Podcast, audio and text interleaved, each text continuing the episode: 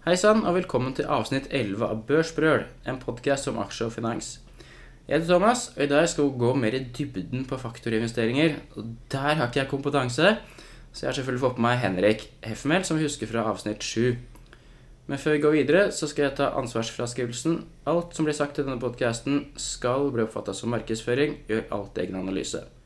Historisk avkastning er en garanti for fremtidig avkastning. Investering kan gå både opp og ned i verdi. Det er ikke sikkert du får tilbake ditt innsatte beløp.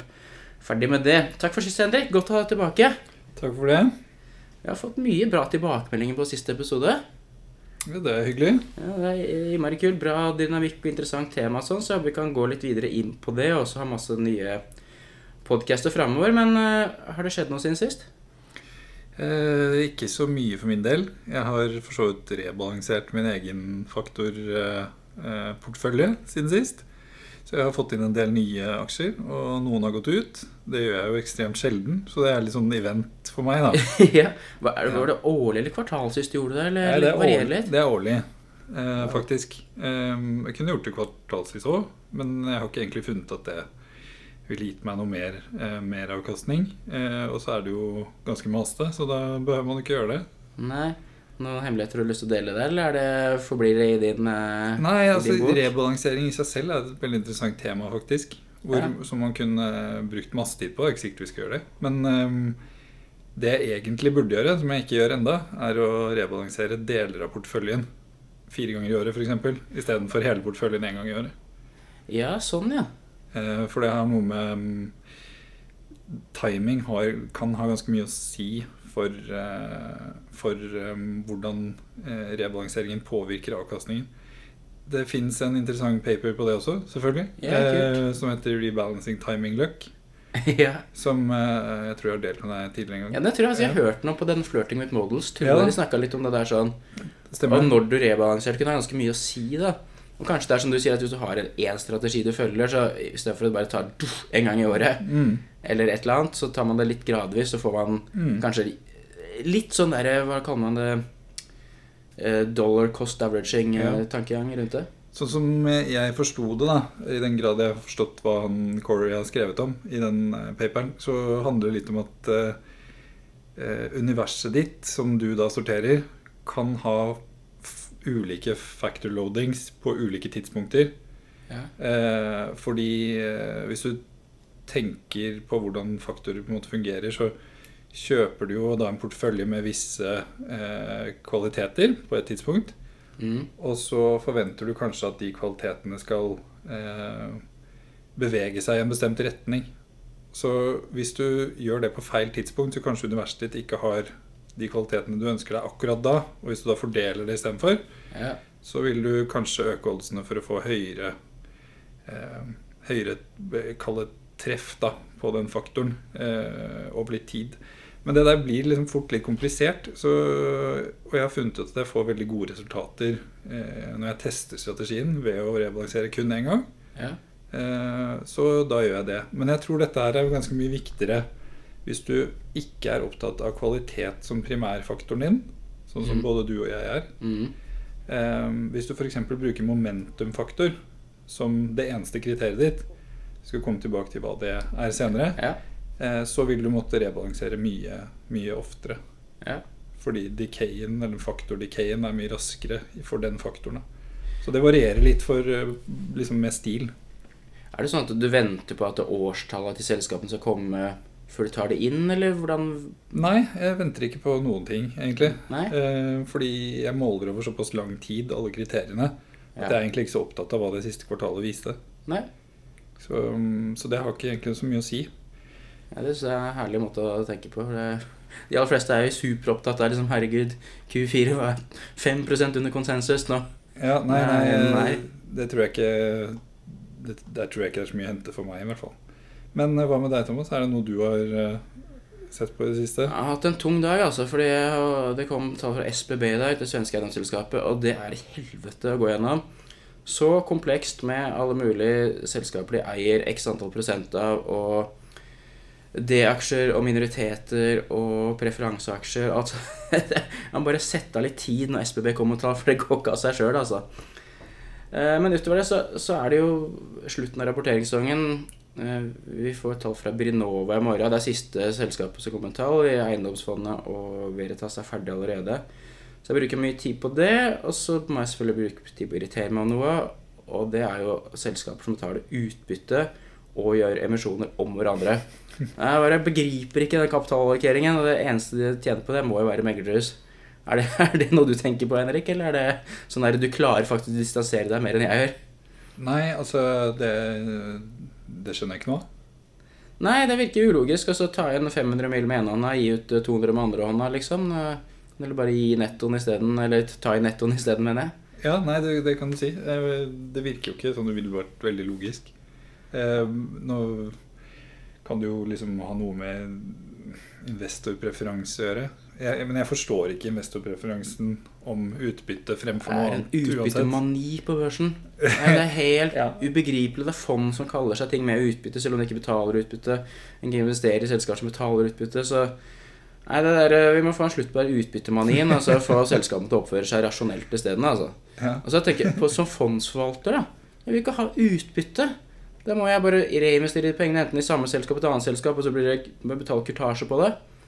Eh, Men Ja, nå, nei, nå ble jeg ble irritert her, og nå må jeg slutte. Ja, nei, jeg, bare, jeg skjønner ikke helt det heller. For det jo, spiller noen rolle om du selger noen av aksjene du eier, eller om du får utbytte. Eh, egentlig ikke. Så, men ok, nok om det. Nok om det, absolutt. Skal vi da sette i gang med dagens tema, Henrik? Ja. Men kanskje vi kan ta litt repetisjon fra når du var med i episode sju. Dette med hvorfor og hvordan fant du interessen for faktorinvesteringer? Jeg tror jeg vil si at det er to årsaker til det. Eh, Den ene er eh, fordi jeg har vært interessert i å teste hva som fungerer i aksjemarkedet lenge. Eh, Men det som virkelig fikk meg interessert i det, og fikk meg til å liksom bruke det mer systematisk i praksis, var jo det vi også snakket om litt tidligere, at man, man gjør visse feil da, som investor pga. Psykologi, sin egen psykologi.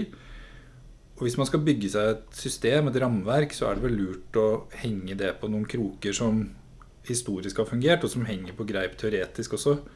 Og da har man jo faktorlitteraturen da, eh, som et naturlig sted å gå til. Så det er jo egentlig først de siste årene jeg har brukt veldig, veldig mye tid på det. Eh, men man har jo liksom fått med seg litt opp igjennom også. Eh, det faktorer er, er jo da alternative risikopremier, eller på en måte andre dimensjoner eh, enn markedsrisikoen da, som driver avkastningen i aksjemarkedet. Mm. Så de kan vi da høste ved å utnytte enten kognitive feil eller eh, irrasjonell atferd hos andre investorer, eller ved å bære spesifikk risiko. Eller eh, kanskje sagt på måte, sagt på en annen måte, da, ta andre siden av andres preferanser. Så hvis noen har en preferanse for vekst, så kan du f.eks. ha en preferanse for verdi. da. Ja. Eh, hvis man skal bruke en sånn klassisk eh, opp mot hverandre-bilde på det. Men, eh, så, så det er det det er. Og hypotesen er jo da at det liksom fins flere risikopremier enn markedspremien. Eh, og nå er det vel ganske bred akademisk konsensus om at det gjør det. Ja, det har jo vært mye papers som viser måter å gjøre det på. Vi kan jo komme inn på litt etter hvert hvorfor vi tror det funker.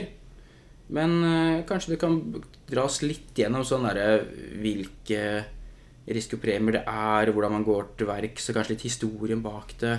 Ja, altså Det startet jo på en måte med, med capen. da Og at du har en markedspremie og en beta og en risikofri rente. Og det gir deg forventet avkastning i aksjemarkedet. Og så kom det en trefaktormodell hvor man la på en markedspremie for størrelse, eller size, og en markedspremie for verdi. Så trefaktormodellen sier at det er på en måte markedspremien ganger beta pluss bet en beta for size og en beta for value.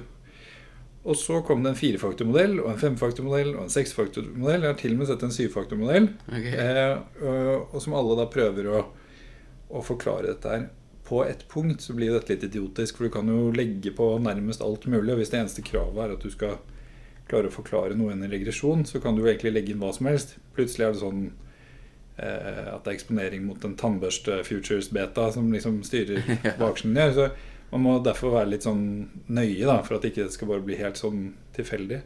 Men de faktorene som det er liksom bred enighet om at eksisterer i dag, er jo da verdi og størrelse og kvalitet.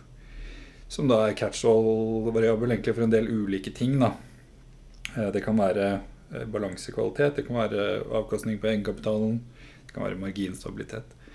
Men eh, la oss bare kalle det kvalitet for noe. Så Ja. har du momentum, som er den litt uglesette faktoren. Til tross for at Og det, det skyldes at den teoretisk kanskje ikke har så solid grunnlag som en del andre ting. Det er ikke så vanskelig for eksempel å forstå at verdi kan innebære en risiko. Eh, man tenker seg gjerne at, eh, at selskaper som er billigere, er mer risikable. I mange tilfeller så er det også tilfellet. Ja, definitivt. Eh, jeg vil jo si at verdi har flere dimensjoner enn det, og at det også er en atferdspsykologisk forklaring for hvorfor verdi er en brukbar faktor. Det er jeg veldig i. Eh, men, men la oss kalle det eh, liksom begge deler der, da. Size det har mye med likviditet å gjøre, selvfølgelig. Og at størrelsen på et selskap kanskje også gjør det mer risikabelt. Så jeg ser at risikopremieforklaringen der er kanskje vel så god som den atferdspsykologiske, på en måte. Um, og så har du low risk, som da går på lav volatilitet. Da. Også kalt betting against beta. Men det er flere dimensjoner enn det der også. For det har ikke bare med svingninger å gjøre, det kan også ha med gjeldsgrad å gjøre, f.eks. Nå har jeg masse, spørsmål, Henrik, men eh, Ja. vi kommer vel litt inn på etter hvert.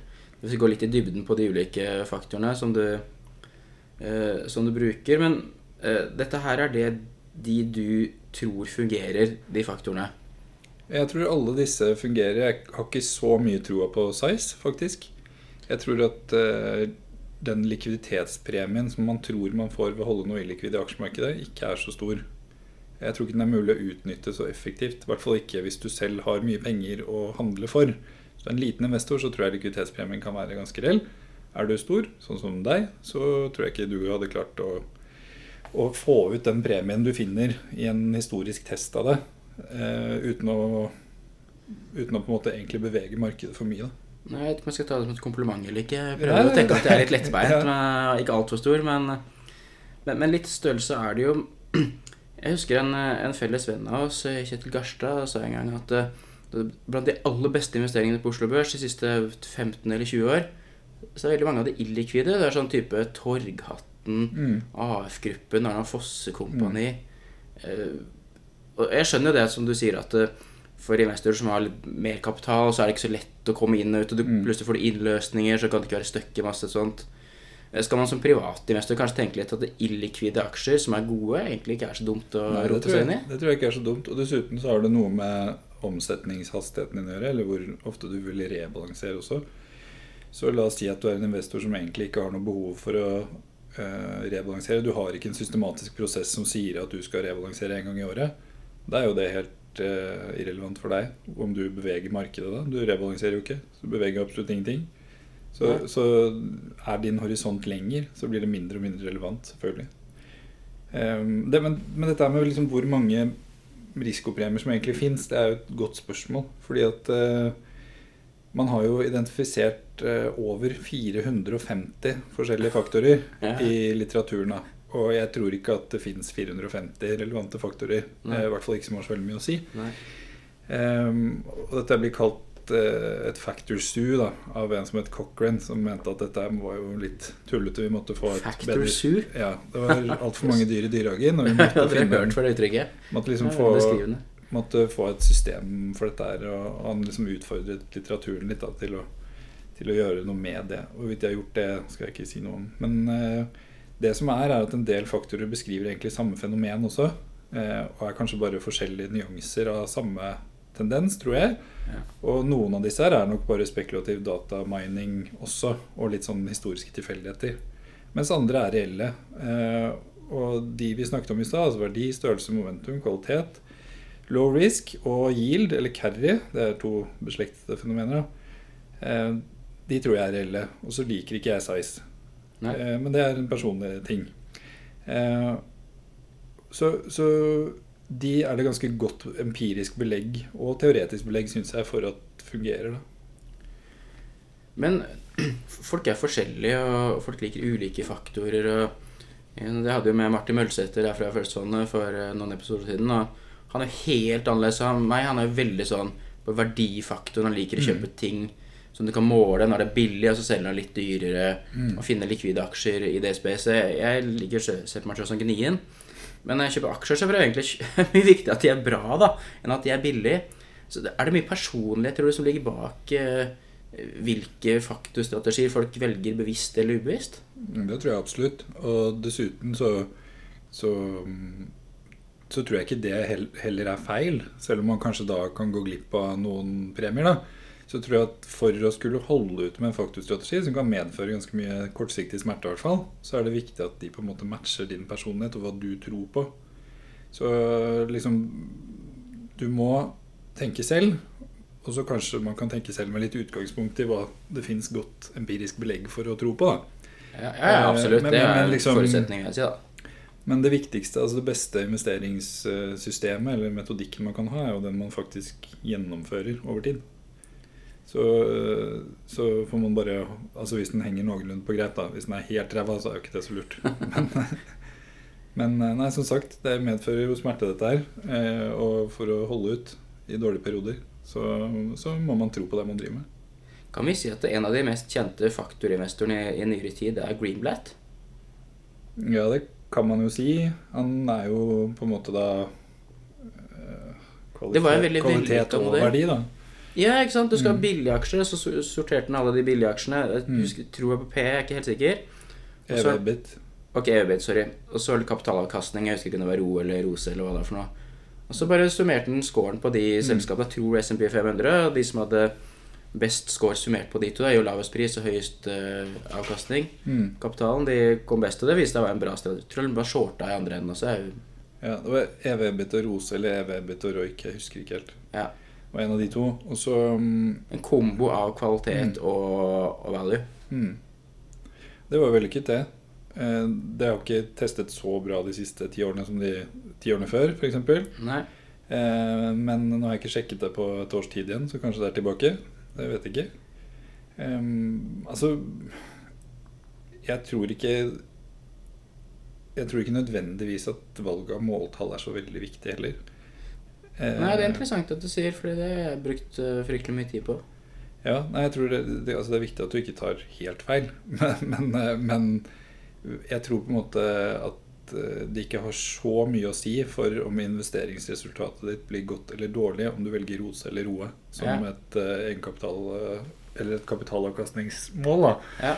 Men, men eh, det som jeg gjør, for å, fordi eh, jeg ikke er sikker, er grunnleggende dårlig selvtillit på hva som fungerer, eh, det er å da bruke sånn såkalte ensemble-kriterier. Så jeg bruker flere ting. Gjerne return on assets og return on equity, f.eks.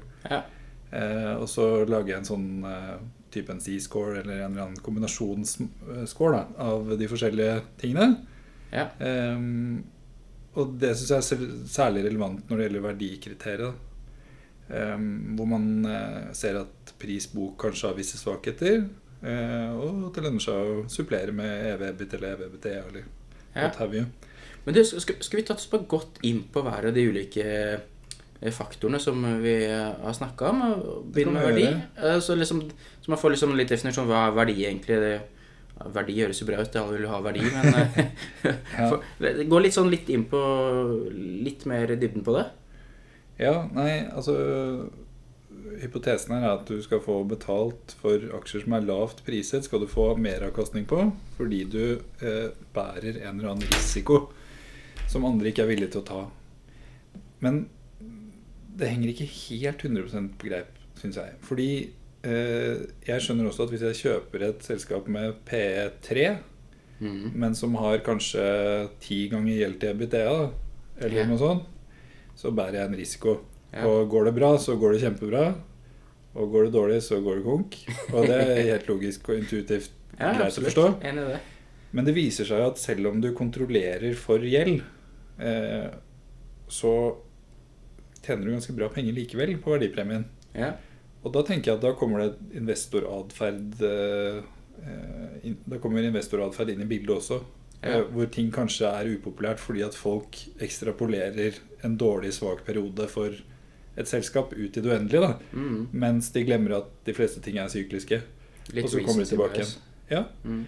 så, så mm, det er jo essensen av verdi. da Og jeg gjorde en test her for eh, noen år siden. Eh, Et år siden eller to. Det var før det store value-comebacket i 2021 og 22. Ja. Eh, hvor jeg sjekket da liksom hvilke verdimetrics som hadde performet best i Norden. Og da var det jo veldig, veldig skuffende resultater for prisbok. Jeg tror det var en kagger de siste 20 årene frem til 2021 på 7,4% omtrent for prisbok. Mens hvis du brukte et ensemble-kriterium eh, som liksom tok med alle de kjente multiplene for verdi, da, verdsettelsesmultiplene, Ja. Så endte du på et eller annet sted mellom 12 og 15% ja. Så det var veldig stor forskjell på om du bare brukte ett måltall og flere. Så det er jo på en måte min preferanse da, basert på det, og fordi jeg ikke Jeg tror ikke alle selskaper er best verdsatt på prisbok. Dette har du vært inne på mange ganger. ja. Så, så velger jeg å gjøre det på den måten. da. Så det er egentlig verdi. Verdi er greit. sånn sett. Det er ikke noe vanskelig å forstå. Alle skjønner at hvis du kjøper billige aksjer som er ikke så verst, så vil du gjøre det bra over tid, fordi de fleste ting er sykliske, og ting kommer som regel eh, tilbake litt. Ja. Men så gjelder det at du velger eh, de som ikke går konk, da. Ja. Hvis vi ser på kvalitet, Henrik, eh, det er jo i hvert fall min og også din preferanse, kanskje. Ikke, ikke isolert, som vi har snakka om allerede, men, men kanskje noe av det viktigste. da. Ja, absolutt. Kvalitet er liksom vanskelig kriterium å definere. Hva er en aksje med god kvalitet? Hva er en bra aksje? Ja. Det blir veldig sånn normativt og Ja. ullent med en gang. Eh, så, men der er jo, og det vet jeg at du er enig med meg i, at det er, det er viktig å, å spesifisere de kriteriene. Eh, så du har noe du kan gjøre konsekvent hele tiden. Når, altså, jeg skal ikke si hva som er riktig eller galt å gjøre der, men jeg tror at eh, for å liksom dekke over de viktigste aspektene ved kvalitet, så bør man ha et egenkapitalavkastnings- eller et kapitalavkastningsmål. Enten mm. det er roe, eller du ser på ta med gjelden og se på noe annet også, og se på Rose eller eh, eh, eller Røyk eller hva som helst. Mm. Så, så, så tror jeg det er viktig. Og så tror jeg at det er viktig å se på eh, marginer. Eh, utvikling i marginer. Når du sier marginer, tenker du at marginen skal være hø- høy? Høy margin er bedre enn lav Altså, margin? Brutto, høy bruttomargin er bra. Viser det seg empirisk, da. Ja, det har jeg lest Novi Mark, så det er jo Mm. veldig klart. Jeg skjønner ikke logikken bak det, men det kan vi snakke etterpå. Nei, altså, hvilken altså- logikk er viktig, og det funker er viktig, da. Det er jo fint å få anledning til å si 'jeg vet ikke'. Eh, Ja, det er alltid bra. alltid bra. Eh, Jeg vet ikke hvorfor det er så veldig mye viktigere enn alt annet. Men, eh, men det er i hvert fall tydelig at sånn empirisk sett så fungerer det ganske bra. Eh, altså det er jo Brutto lønnsomhet kan jo være et uttrykk for en god forretning. Veldig enkelt sagt også. Altså Hvis du tenker over det sånn helt overordnet, så er det liksom sånn Det er, det er en tjeneste eller et produkt du kan ta deg eh, relativt godt betalt for. Eh, men det er jo masse kompliserende faktorer etter det, så det er liksom ikke så lett. Ja, nei, altså, Bitt merke at Fundsmith også har jo dette med Mm. gross profitability som et av sine nøkkeltall de måler etter. og tenk Hvis jeg går på kaffebrenneriet borte og kjøper meg kaffe til 35, så koster den sikkert 3 å produsere maks. da. Mm. Så de er jo superbra gross profit. Mm. Eh, Men så er det masse andre kostnader, så jeg hadde helt Mm. skjønt det. Men vi trenger ikke snakke mer om det akkurat nå. Det var bare sånn der kuriositet. Nei. Eh, Men vi, men vi har jo, hvis jeg avbryter litt, da På MSCI så måler de kvalitet basert på avkastning på egenkapital. Og så baserer de på lav gjeld, som vi kan komme inn på også. ja, det, det er veldig viktig, og, og lav gjeld er utrolig lett å skrine for også. Altså, Ja. dette, er jo ikke, dette er ikke spesielt vanskelig å, å sjekke, på en måte. Har et selskap høy eller lav gjeld? Det er easy. Og det har veldig mye å si.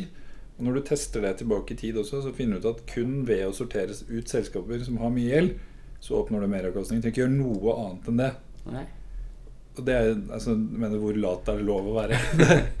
så lat man bare vil.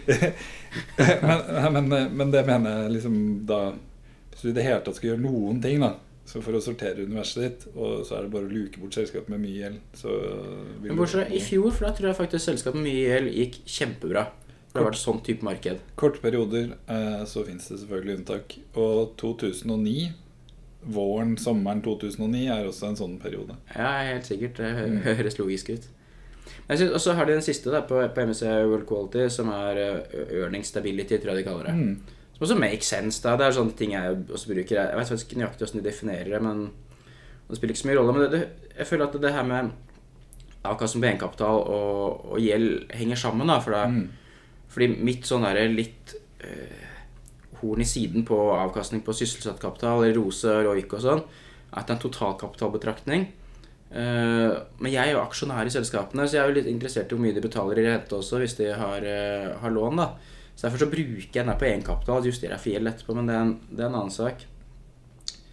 Eh, men kvalitet, som du sier, er jo litt sånn ullent begrep, da, for det er ikke noen sånn fasit bak det. og du leser nesten alltid i avisen så leser du ja, vi liker å kjøpe gode selskaper. Eller skjer Ja. noe med lav belåning og Du må, må, må alltid ledelse. uttrykke deg normativt, Thomas. Jeg skjønte.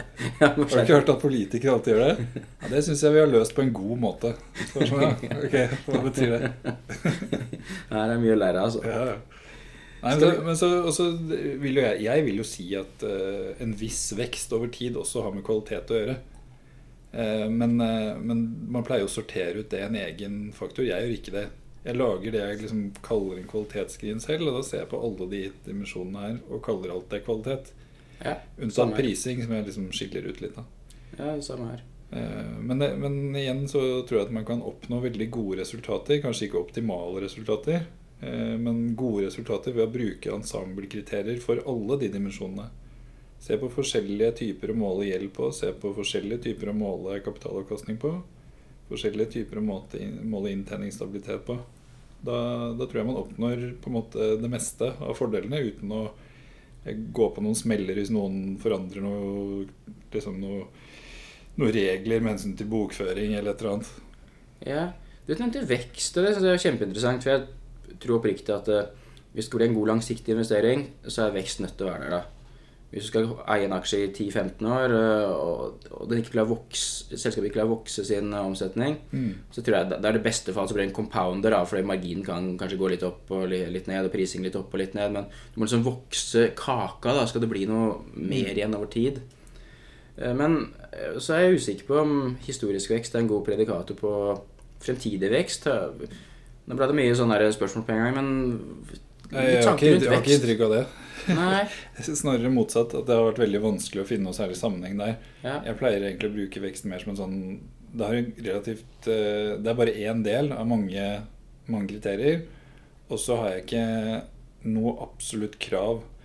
Det er forresten et litt sånn interessant aspekt ved det. her, At eh, jeg tror, da Jeg tror, jeg vet ingenting. Men jeg, jeg tror at det er bedre å bruke parameterløse modeller når man holder på med dette her. Og med det så mener jeg at du ikke sier at du f.eks. har eh, Det må være 10% roe, det må være 15% roe, det må være 10 vekst, sånne ting. Men istedenfor så måler du mot det som er relevant å måle mot, nemlig de konkurrerende selskapene. Som alle konkurrerer om å nå opp hos deg, på en måte. Ja, det der jo interessant, for det var noe jeg tenkte mye om før vi sjøsatte Veritas i sin tid. Var jo der at jeg ville, Ingen selskap skal ha P over 40, ingen skal ha ro under 15, ingen skal ha gjeld over sånn og sånn.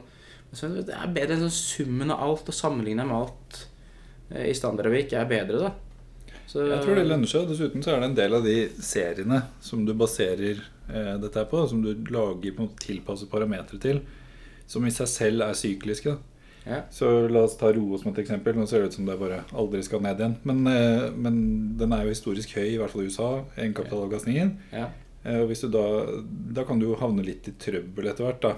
Eh, hvis du har den samme modellen som tidligere, hvor du har sagt at jeg skal eie sånn og sånn selskaper med ro over 10% Så Ja. plutselig så er gjennomsnittet 13 Ja. Så kanskje du får vanna ut modellen din litt da. ikke sant? Ja. Nei, Så sånne ting. At man istedenfor eh, sammenligner med det som er relevant, gitt at du skal være long, da. Og det Ja. er jo på en måte mitt mandat og ditt mandat. ja, enig. Godt, godt presisert. Så eh, har du muligheten til å sitte med cash istedenfor, så kan det være en annen sak. Men eh, det ser ut til å fungere ganske bra over tid, da, å ikke bruke faste parametere. Ja, enig. Du, En vi ikke har snakka om, Henrik, jeg husker det, og det er momentum. En gang så sa du, Thomas, du er en momentum-investor in disguise. Ja, det står for det. Der ble jeg ordentlig jeg tenkte, Faen, hva er det du snakker om nå? Eh, Fortell litt om momentum. Det, det er noe som ikke jeg bruker eh, eksplisitt. Nei, altså momentum er tendensen eh, til at eh, en eller annen asset som har steget i pris, fortsetter å stige i pris. Eh, Eller omvendt, som faller i pris, eh, eller har falt i pris, fortsetter å falle i pris. Dette her er jo en på en måte en hel podkast bare i seg selv. Yeah. Momentum er veldig spennende. Teoretisk så er det liksom vanskelig å forklare det på en god måte. I hvert fall er det mange som ikke aksepterer de forklaringene som finnes. Da. Men eh, der har du jo ulike typer forklaringer. Vi har liksom en sånn disposisjonseffekt hvor du vegrer deg for å selge noe du har kjøpt som er uh, dårlig. Mm. Eh, som gjør at kanskje eh, ting fortsetter å falle lenger over lengre tid enn det du skulle tro. Istedenfor at alt blir spilt ut med en gang. Ja, det er mye psykologi. Eller herding, som gjør at folk eh, følger flokken. Det er jo svært reelt, vil jeg tro. Absolutt. Ehm, og så er det faktisk en dimensjon til momentum som er fundamental også. Og samme Novi Mark, som du eh, nevnte tidligere, har jo skrevet en veldig bra paper som heter 'Fundamentally all momentum is fundamental momentum'. Eh, veldig clever tittel. Eh, hvor han viser at eh, de aksjene som har sterkest momentum, også har sterkt fundamentalt momentum regnskapsmessig. Ja. Så, men momentum er, eh, er en faktor som vi ser over nesten alle aktiva-klasser du kan tenke deg. Så det er en reell effekt. Og det, det her er jo også da beslektet med fetteren til momentum, som heter trend. Ja, Og trend, det er veldig interessant. Og det må Ja. vi snakke om i stor detalj en annen gang. det skal vi gjøre. men men eh, det er egentlig det momentum er. Eh, Aksjer, aksjer eller andre assets tendenser til å trende videre i den retningen de har trendet i. Ja. Og så er det gjort selvfølgelig en haug med målinger på hvordan dette funker, hvor lenge det varer etc. Og det varierer jo litt eh, også. Og så finnes det mange spennende måter å kombinere momentum med andre ting på. Og justere momentum. Momentum har nemlig den litt kjedelige kvaliteten at det gir meravkastning eh, over de aller fleste perioder, og høy meravkastning òg. Og så krasjer det big time innimellom. Ja. Og det er jo ikke så hyggelig. Og den aller verste momentum-krasjen den kommer når aksjer som er dårlige Fordi Fordi momentumfaktoren er jo typisk konstruert sånn at du tar Altså Alle akademiske faktorer er jo konstruert på den måten at du tar de beste mot de verste på en måte på den scoren. Mm. Og så finner du noe netto. Så det, I teorien så er du da både long og short. ikke sant? Yeah. Sånn som vi implementerer faktorer, da, så er vi jo bare long. Yeah. Eh, men i momentumkrasj så er folk også da short de svakeste aksjene. Eh, og så er de long de sterkeste aksjene. Og så plutselig så er det sånn at eh, ting blir snudd på huet. ja, der blir det Så. Momentum hadde f.eks. et helt forferdelig første halvår i 2009. Eh, og, og det må man jo prøve å unngå hvis man skal prøve å utnytte denne faktoren. Hvis vi skal nevne hvordan momentum gjorde det frem til verdi liksom kom tilbake i in fashion i 2021, så ga dette her en helt sånn naiv momentumstrategi på nordiske aksjer. Ga 19% i året de 20 årene frem til 2021. Ja, det er sykt. Det kjennes jo ikke altfor smart ut, men det fungerer godt i praksis, altså. Ja. Men du bruker momentum som en del av dine faktorer? Eh, ja, jeg gjør det for så vidt. Men eh, jeg bruker det litt på Novi Marks-metoden nå. At jeg måler egentlig litt fundamentalt momentum mer enn aksjemomentum. Og så bruker jeg den eh, skumle fetteren trend også. Ja. Men det må jeg nesten komme tilbake til. Og så en annen gang. Men jeg bruker trend til å bestemme vekting eh, hos meg. Jeg er ikke inne eller ute av aksjer pga. trend, men jeg har høyere vekt når de trender opp, og lavere vekt når de trender ned. Men sånn, nå hopper jeg litt, Henrik, sorry for det, men altså, du bruker ingen tid, da, som vi snakka om på forrige gang vi sammen også, på selskaper, outlook, management og sånn. Du ser på tallene, for de lyver sjelden. Ja. Bra. jeg tenker meg at du syns det. Ja, ja. Nei, men det er jo litt sånn hele be- begrepet bak det, da. Og så som Kanemann sa i Noise-boka, 'Simple models beat humans'. Så tror jeg det at psykologi er mye av bakgrunnen for at faktorer funker. Og eh, så lenge de er satt sammen på rasjonelle måter og eh, funker historisk. Men eh, apropos funker historisk eh, Hvordan kjører du Eller backtesting, det må jo være en viktig del av dette her.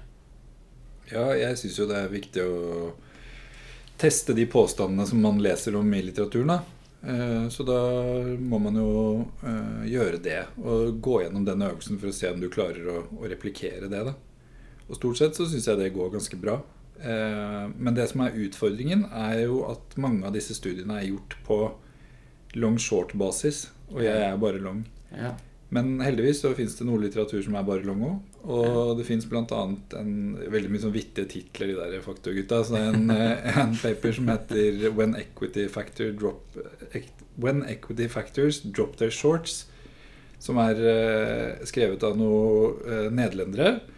Tror det er en som heter Pim van Fleet og en annen fyr som er fra Robeco og Erasmus universitet. Og de har skrevet da en lang og omfattende paper om hvordan det går når vi implementerer faktorer på long only basis. Og det viser seg at det fungerer utmerket godt, og at egentlig det meste av faktorpremier for de fleste faktorer ligger i longbeinet. Og det er jo gode nyheter. Ja. For shortbeinet er ofte det som eh, funker i teorien og ikke i praksis. Ja, for det er både dyrt og vanskelig å shorte, og, Det er det. og plutselig blir du call-line og Ja. andre problemer. Sant? Men dette er, reflekterer også det at min jobb er å finne ut hvordan man kombinerer kjente faktorer. Hvordan er de mulig å utnytte i praksis? Hvordan skal det implementeres? Det er på en måte det som er, eh, er arbeidet. da. Og du må ha gode og tidsriktige data. De må være justert ordentlig. Eh, og så ved hjelp av backtesting så finner du da ut om empirien støtter teoriene. Eh, og hvis ikke så syns jeg jo på en måte at man må forkaste ideen der og da.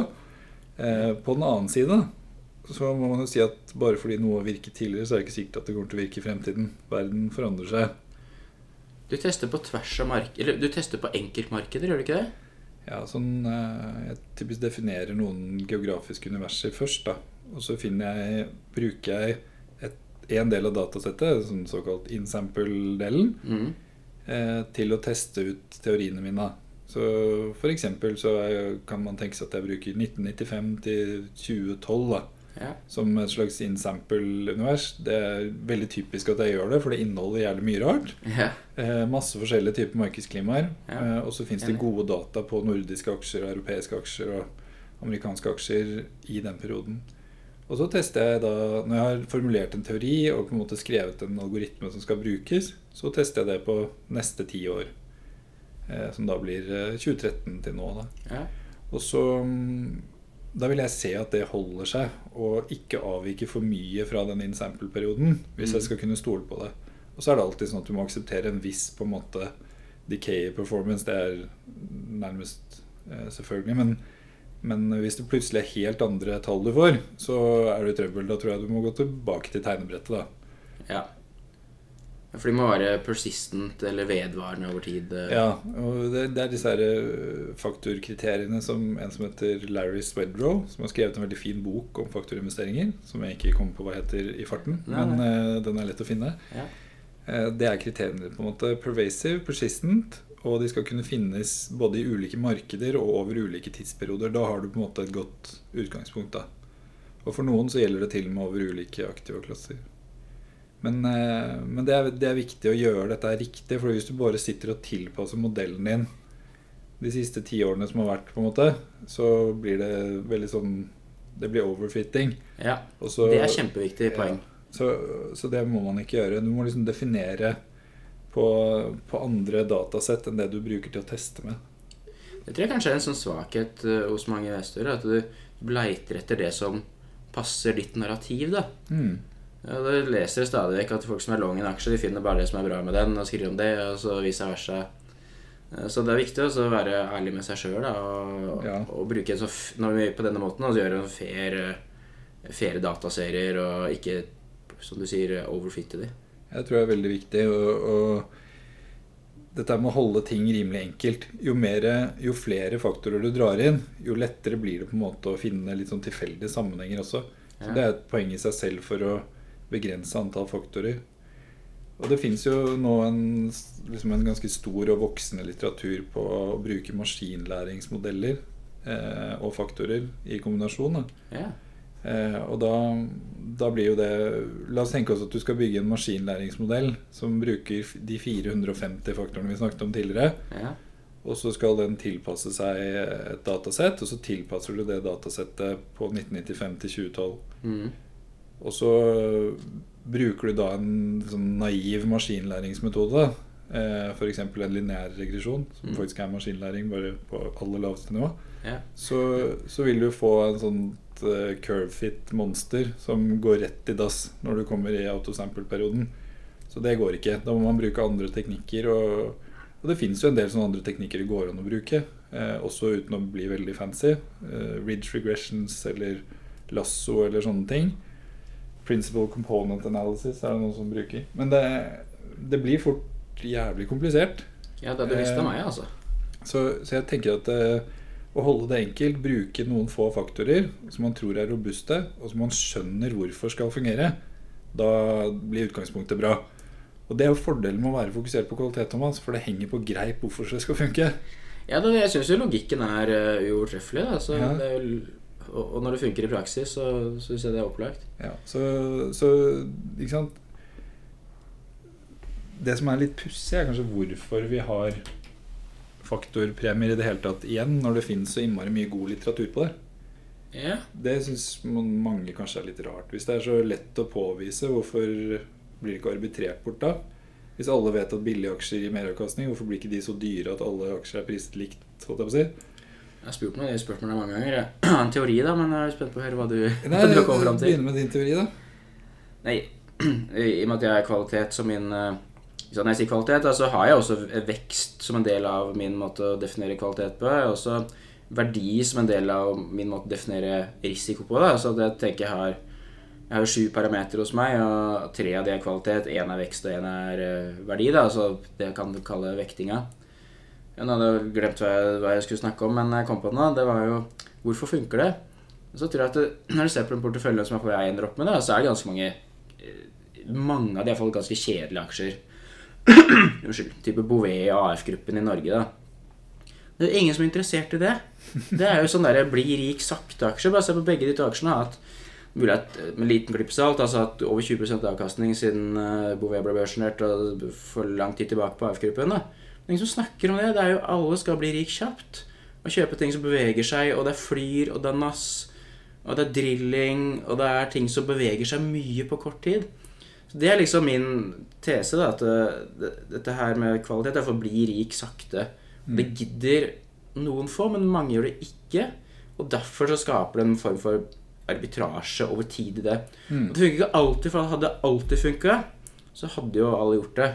Mm. Eller sikkert mange, i hvert fall. Da, mange flere enn nå. Men ikke sant, nå har jo i hvert fall jeg da vært gjennom en periode som ikke har vært noe bra avkastningsmessig. Et annet type markedsklima. Sånn jeg ser det, i hvert fall, da, så kan jeg finne masse logisk forklaring på det. Hvorfor det gikk bra da og dårlig da, og sånn og sånn. Eh, Men det funker ikke alltid, i hvert fall. Det er eh, konklusjonen Ja, min så langt. jeg tror det er helt riktig. Jeg tror det funker fordi det ikke alltid funker. Ja, Og de periodene som, hvor det ikke funker, kan vare i årevis. ja, ja. Altså Verdifaktoren fra 2018 til 2020, det var jo helt katastrofe. Og du så jo fond ble lagt ned bare pga. det. ja. Og alt som gikk, var bare dritt. ikke sant? Eller det er jo ikke sant, det gikk jo, det var mye annet som gikk bra også. Men det, det var jo et klima hvor en del selskaper som kanskje ikke hadde livets rett, også gikk hundrevis av prosent. ja, Og så satt du der og sa at du skulle eie noe billig fordi det var billig. ja, Eh, Det ble ikke noe, kom ikke noe penger inn til deg da. Heller motsatt. ja. Og en god del, ikke alle selvfølgelig, men en god del kaster da kortene sine i de periodene. Og dermed så er det mulig å dele ut kortene på nytt, og så har man det gående med en ny faktorsyklus. da. Så um, jeg tror det er helt riktig. Siden det ikke alltid funker, siden det er vondt å sitte med i perioder, så får man betalt for det til slutt. Så no pain, no gain. Ja, nei, absolutt. Jeg merka det på kroppen. Altså, jeg har hatt masse innløsninger i fjor i Eurita, så det funka ikke. Det var i 21 og ikke så veldig bra i 22-året øh, hvordan det fungerte, så det øh, Men det er liksom den der å være der over tid da, som jeg tror er øh, Ja, og det, altså, Vi vet at det er godt empirisk belegg for å tro at det skal fungere over tid i Veritas. Vi vet at det er godt teoretisk belegg. ja. Og hvis man har de to tingene på plass, så tror jeg at det å bygge seg en metodikk på bakgrunn av det, er liksom det beste man kan gjøre. Og så har du valgt kvalitet, men man kunne også gjort det på, på andre faktorer. Så lenge man er konsekvent og har liksom et fornuftig grunnlag, så tror jeg at man kan nå langt med det. Ja, det er vel den konsekvensen av den disiplinen som er litt hemmeligheten. At man Mm. ikke Å, herregud, nå er det en energikrise i verden, og da må vi snu oss rundt, og så Mm. er det krig, og så er det pandemi, og så begynner du å hive deg rundt, og så ser du det som var kanskje pandemivinneren, har blitt litt sånn taperen etterpå, og vice versa. Så det er fort gjort å ikke ha kontroll på psyken sin. Da. Noen gang, egentlig, men kanskje spesielt ikke de siste to-tre åra. Ja, nei, men Tilbake til det med at jeg tror det er ikke mer analyse som alltid er svaret. Nei. Det er liksom hvordan du implementerer det du allerede har. Og det er jo Folk elsker å si sånne generelle ting ikke sant? Om, om at uh, ingen har noen gang blitt rik på den eller den måten. Uh, veldig yndete å si om teknisk analyse, f.eks. Ja. Uh, og det er mye teknisk analyse som er bare tull, altså, for all del. Drive og sitte og tegne sånne figurer og sånn, det, det ikke, har ikke noe for seg. Men når du ser på hvor mange som har blitt rike på systematisk trend following, f.eks., Ja. er ikke veldig sofistikerte modeller alltid det. Men det blir implementert hver dag, helt konsekvent, på samme måte. Du tar en viss risiko, tar, tar et lite tap og lar vinnerne vokse seg store og feite. ikke sant? Og det er mange av de der som har tjent milliarder av kroner. Så man skal være litt forsiktig med å si sånne, sånne ting. Og, og igjen, da. Enkle modeller slår mennesker. ja. Så, så jeg, jeg har trua på si, alt dette. her. Altså. Så, men, men faktorer er ikke risikofri meravkastning. Ikke sant? Vi transformerer på en måte bare risikoen eh, litt. Eh, vi sier at eh, vi skal ha betalt over tid pga. visse årsaker, som vi snakket om tidligere. Mm. Eh, men vi risikerer midlertidig betydelig underperformance. Og det er på en måte den, eh, det vi tilbyr. Var det du som sendte meg den der fantastiske studien If God was an active portfolio Ja. manager og sånn? Det stemmer. Det er- Husker du sånn røffelig konklusjoner fra den, eller? Eh, jeg må bare nesten anbefale at folk eh, googler det selv. Det er West Wes Gray som har skrevet det. Ja. Eh, det er en presentasjon han holdt en gang. Den ligger på YouTube også. Hva, sier du det? ja. Det ikke sett. Al- Alpha Architect heter det firmaet. Eh, og da gjør han den, eh, presenterer han den, eh, de konklusjonene at selv med liksom perfekt eh, forsyn, så Ja, ville du sannsynligvis ja, Med fasit i hånd så hadde du fått sparken av kundene dine likevel. så, Jeg tenker det, det er sånn der jeg drar fra når det går dårlig, liksom. ja, ja, men det er viktig å gjøre det. ja, ja. Ikke sant? Alt du trenger for å, for å stå, stå og løpe ut. Da. Um, og, og noen ganger så er det jo sånn at uh, temaer dominerer på en måte narrativet i markedet. ja, fortell. Uh, sånn som makrotemaer kan jo dominere fullstendig i medier og alt du blir bombardert med hver dag. Kan jeg bare spørre før du går videre på det Syns du det har vært mer makrofokus de siste to åra enn før? Eller er det bare sånn recency bias for at man tror det? Jeg syns det har vært ganske mye makromasse i hele året. Ja, det har sikkert det. Så det er sikkert bare meg som må tenke å herregud, nå er inflasjonen ditt og rentene datt Ja. og resesjoner Men du, nå avbrøt jeg. Sorry. Nei, nei, Gå videre på det du skulle si. Det kan mulig å rette i det. Altså. Jeg, jeg vet ikke. Jeg syns det alltid er mye mas. Men, Ja, ja, men så er det, det- irriterende er det. fordi det er interessant òg. Så ender du opp med å bruke masse tid på det. Ja, og Men- musikk i mine ører. ja, men det, det som sagt det er sånn spennende. Men det kan være spennende å se på Netflix òg. Men jeg syns ikke det er så relevant til det jeg driver med å gjøre. da Flåste sagt, men Nei, jeg, nei, mener, jeg syns makro er superspennende. Men det er liksom, jeg får ikke det til å bli noe relevant input. da Nei, Eh, fortell om det. Jo, det jeg skulle si er at makro, makro Man tror jo at makro har sånn veldig sterk innflytelse på faktoravkastning over tid. F.eks. For eksempel så sier jo folk at eh, vekstselskaper, da, eller kvalitetsselskaper, de skal nå gjøre det dårlig fordi at eh, de gjerne har Eller la, oss- la oss begynne den på nytt og si at kvalitetsselskaper skal gjøre det dårligere enn verdiselskaper nå, for de har mer av kontantstrømmen sin lenger ut i tid. Jeg Mm. skjønner logikken i det resonnementet, men når du ser på data over tid, så er det ingenting som tyder på at det er riktig. Og det kan godt være at det narrativet får dominere en periode, og at eh, aksjer beveger seg på bakgrunn av det. Men over tid så stemmer ikke det. Det er- ikke noe godt bevis for at ulike makroklimaer påvirker av, av faktoravkastning i noen særlig grad. Det er jo interessant. Ja, for det er ikke helt min konklusjon, så det er veldig interessant. Ja, nei, nå baserer jeg dette på andres konklusjoner. Da. Ja, du Eh, baserer på fakta, jeg baserer på hva jeg tenker. Da, så får du du dømme Nei, fra det. jeg får nesten nevne kilden nå. Da. Det er en artikkel som AQR har skrevet for Journal of Portfolio Management, hvor de snakker om eh, eh, Den heter Facts, Facts and Fiction eh, om, om faktorinvesteringer. Og, og der snakker de om det at det er egentlig ikke noe godt bevis for at makrosykler utgjør så veldig mye for faktorpremier. Men eh, det er jo også dårlige nyheter. Fordi at da har vi ikke noe unnskyldning hvis ikke vi performer. Nei. Så du kan ikke egentlig sitte til kunden din og si at ja, men makroklima er sånn og slik, og renteøkningene fører til at eh, vi ikke gjør det bra. For det, egentlig så stemmer det ikke. Så ja, ikke sant, det annet. tilpasser historien. Men for sånn jeg har tenkt, da, var i 2020 så var det bra avkastning på det greiene jeg holdt på med. Da var det så stor ledighet i økonomien. da, altså Selskapene hadde evne til å vokse gjennom eh, å investere mer i markedsføring, ansette folk i oppkjøp eh, fordi mange andre selskaper lå nede for telling, og renten gikk ned. så Det påvirka verdsettelsen positivt for selskaper som har kanskje mer inntjening fram i tid enn i, i nåtid. da. Mm. Og så var det mange andre faktorer i tillegg til det, med råvarepriser og sånn. Og så tenkte jeg det er logisk og sånn. Og så, men da er det kanskje bare meg som tilpasser meg eh, det som eh, jeg vil Hvordan jeg vil logikken skal henge sammen. da. Og siste to åra har det kanskje vært litt omvendt. da, At rentene har gått opp, og økonomien har vokst masse, og det har ikke hatt noe ledighet. Og da er det andre typer selskaper som har uh, gagnes av det. Men eh, Altså, må nesten, nå må jeg nesten uh, slå opp her. men, men, men jeg syns jo det Det du sier, henger jo liksom intuitivt på greip. Men her påstås det altså at det ikke liksom finnes noe sånn godt empirisk grunnlag over tid. da Kanskje det kan bli en episode neste, eller senere, Henrik, der vi kan gå mer inn på eh, Ja, kanskje litt, i hvert fall. da. Ja, det er jo litt sånn interessant, da. Eh, men men eh, jeg tror i hvert fall, for å liksom konkludere, da, så tror jeg at man tjener mest penger på å ikke se for mye på makro.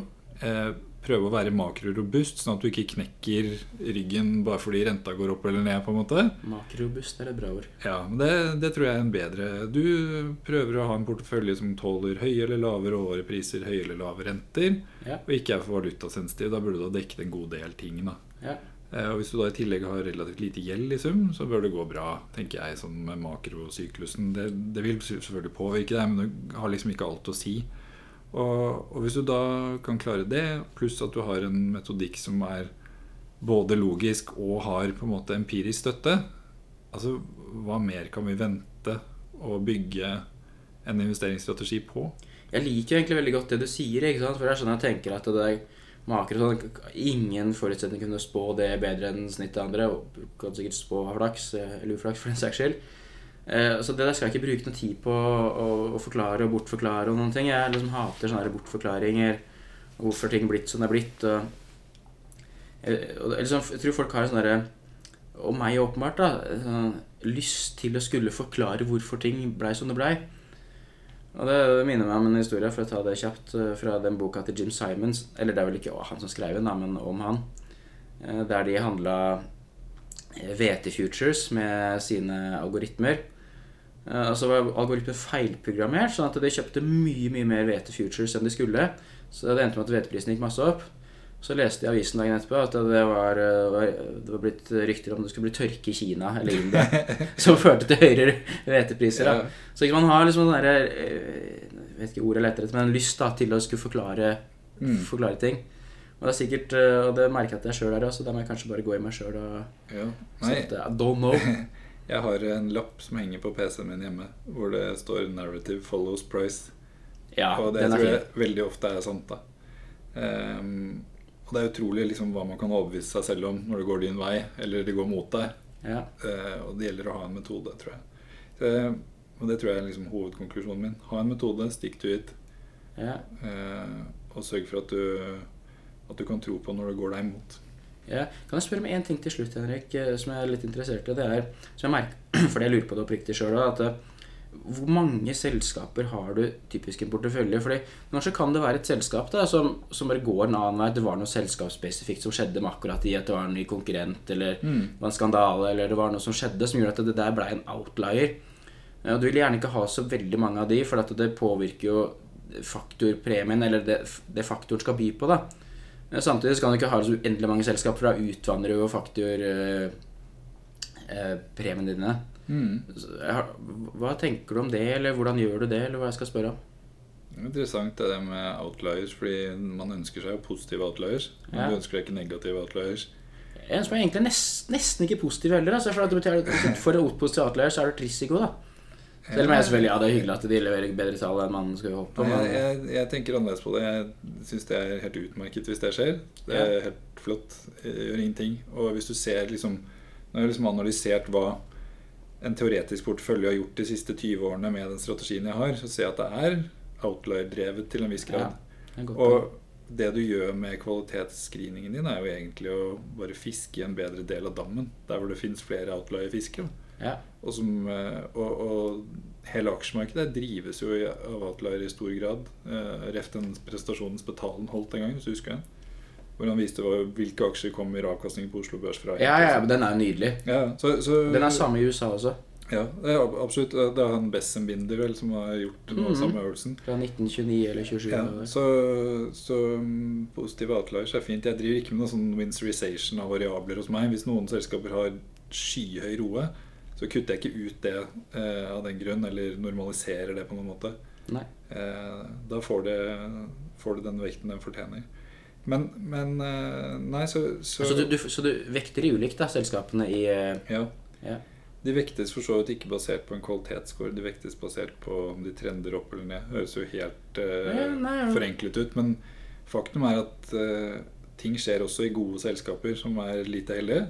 Jeg har ikke noe interesse av å ha full eksponering i et selskap som er i en dårlig fase. Det vil jeg gjerne ha når det er i en god fase. Ja. Men så tror jeg veldig på å ikke gjøre ting eh, på en binær måte når du holder på med aksjer. Ja. Jeg tror at Hvis du er i tvil, så selger du halvparten. på en måte Altså Det er typen resonnement. Det er ikke akkurat det jeg gjør, men det er, det er typen resonnement. Og du gjør ting litt gradvis da når det gjelder å vekte opp og ned. og sånn Så det ligger på en måte en algoritme til grunn for det, som er veldig enkel. Jeg vekter meg opp og ned i, i 20 forskjellige aksjer. Eh, og de aller beste aksjene på, på kvalitetsscore får ekstra høy vekt.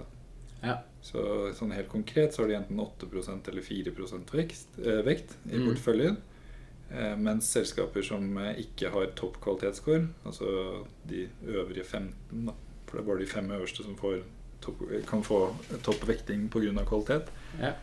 eh, de har enten 4 eller 2 avhengig av om de trender opp eller ned. Det fungerer egentlig veldig bra. Eh, det er ikke så vanlig å kombinere trend og faktorer. Eh, men det er mer vanlig å bruke momentum som en faktor. Jeg skjønner. Men det er jo liksom beslektede temaer. Så, og så må jeg si at jeg definerer trend på en litt sånn komplisert måte. Det hadde man ikke behøvd å gjøre. Nei. Du kunne f.eks. bare brukt tidsserie momentum, som er eh, hvorvidt aksjen har positiv avkastning de siste tolv måneder. Ja, ja. Nei, som vi har vært innom, eller du det, man trenger ikke alltid gjør det så komplisert. Nei, nei, jeg bare synes jeg liker jo litt sånn utfordringen av å prøve å forbedre den også. Men uh, man kommer langt med veldig enkle verktøy da, som liksom henger litt logisk på greip. Um, så, så Nei, men når du tenker på hvorfor man har spørsmål ditt som jeg ikke har svart på enda jeg lover jeg skal svare nå eh, er at, ja, ja, hvor- mange aksjer har du, tror jeg, tror jeg spurte om. Jeg, jeg håper det var spørsmålet ditt. i hvert fall. Og så eh, Svaret er 20, fordi at mesteparten av diversifiseringseffekten er på en måte tatt ut da. Ja. Eh, og sånn som Hvis vi antar at alle aksjene jeg eier, ikke er korrelert, det er jo selvfølgelig bare tull, men hvis vi antar det, da, ja. Så kan jeg forvente en økning i risikojustert avkastning, altså en forbedring i risikojustert avkastning, som er lik kvadratroten av n, der n er antall Mm. aksjer. Eh, og sånn som kvadratrøtter fungerer, så blir det jo ikke så mye Ja, det var litt effekt etter hvert. 13, 13 eller sånn, så er det nesten Eller det kan du si på ja. hvor som helst, egentlig, Ja, da, men ja. uh, sett i der eh, Du får i hvert fall ikke noe særlig som skjer etter 20, så, så jeg valgte å gjøre det. Og så er det et nivå som jeg syns er behagelig diversifisering, sånn intuitivt. Det der er egentlig superinteressant. Vi kan sikkert snakke mer om det en, en annen gang. Fordi det, om aksjer er korrelert, da, det er det jo på ulike måter. Altså, jeg tror de mange definerer per liksom, sektor. Da, at du, mange selskap driver med lakseoppdrett eller industri eller IT og sånn. Og så kan det være noen sektorer er veldig homogene. At jeg er 20 riggselskaper eller 100 riggselskaper, så er sikkert eh, eksponeringen ganske lik. da. Mm.